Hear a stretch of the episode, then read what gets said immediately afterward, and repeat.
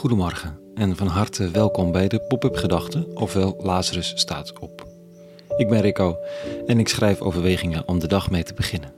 Vandaag met de titel De vermenigvuldiging van het goede. Pop-up Gedachten, dinsdag 1 maart 2022.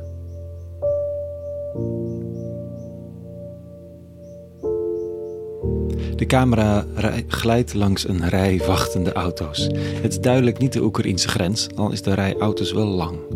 Ze staan stil langs de weg in een boerenlandschap.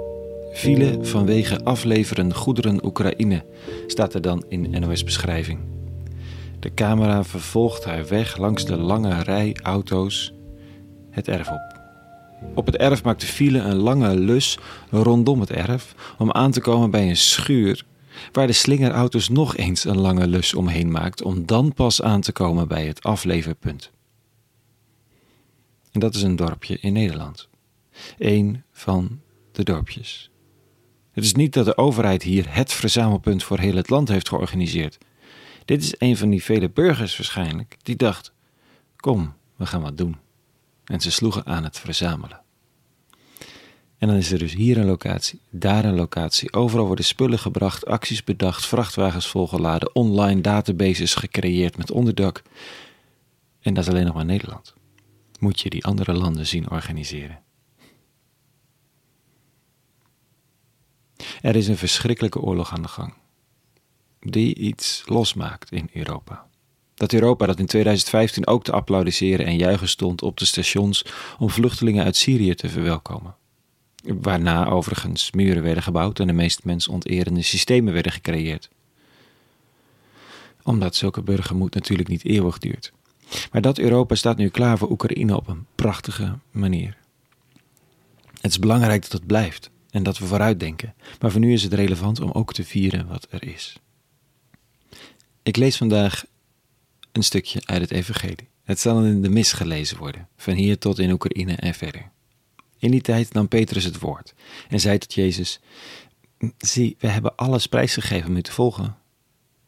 Jezus antwoordde: Voorwaar, ik zeg u, er is niemand die huis, broers, zusters, moeder, vader, kinderen of akkers om mij en om de blijde boodschap heeft prijsgegeven, of hij ontvangt nu, in deze tijd, het honderdvoudige aan huizen, broers, zusters, moeders, kinderen en akkers. Zij het ook gepaard met vervolgingen en in de toekomstige wereld het eeuwige leven. Vele eerste zullen laatste en vele laatste zullen eerste zijn. Jezus volgen, hè? Met menigeen denkt dan vooral aan religieuze handelingen, aan geloof, aan woorden die matchen met de christelijke belijdenisgeschriften. En misschien is dat wel terecht, toch? Zoals altijd zoek ik hier naar het goede nieuws voor iedereen in zo'n tekst, een soort universaliteit. En dan zou je wellicht mogen lezen dat iedereen die het goede zocht te doen, iedereen die geld, goederen, familie moest prijsgeven voor de hoop op de nieuwe wereld, voor een wereld waarin genade en vergeving de klok slaat, die krijgt daar nu al iets voor terug. Iets, honderdvoudig iets eigenlijk. Zij het dat het gepaard gaat met gedoe, met shit die je achtervolgt, met chaos, maar je bent er wel met honderd broeders, zusters, moeders en kinderen of meer. Ik kan het niet helpen dan in de enorme hulpinitiatieven die loskomen een echo te zien van het principe van deze tekst. Burgers uit Oekraïne ontvangen, in elk geval voor nu, het honderdvoudige aan broers, zusters, moeders en vaders, zij het dat het gepaard gaat met veel vervolgingen.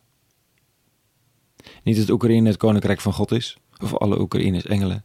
Het zit er andersom. We zien het tegenovergestelde oprukken. Het koninkrijk van het kwaad dat bezit lijkt te hebben genomen van het hart van een dictator mogen God hem en ons ervan verlossen.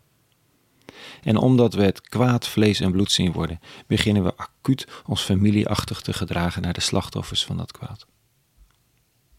Honderdvoudige broers en zusters, tienduizendvoudig en nog meer. In elk geval voor nu. Dat mag de troost en de hoop zijn in de angst en het cynisme dat ons kan overvallen. Er is een God, of er is in elk geval goedheid, en het krijgt heel concreet handen en voeten zij het soms onhandig. Als files met materialen waarvan niemand weet of ze nodig zijn. Of ze aankomen en of dit nu het beste antwoord is op de crisis. Maar zo gaat het in familie. Je wil wat doen voor elkaar. De vermenigvuldiging van het goede in praktijk.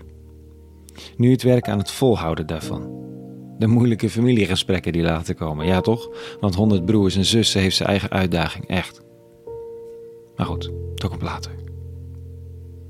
Voor nu, wel, dit is de pop-up gedachte van vandaag. Morgen weer een nieuwe. En vrede gewenst, gehoopt en gebeden voor jou, voor Oekraïne, voor de Russen en de wereld. En alle goeds.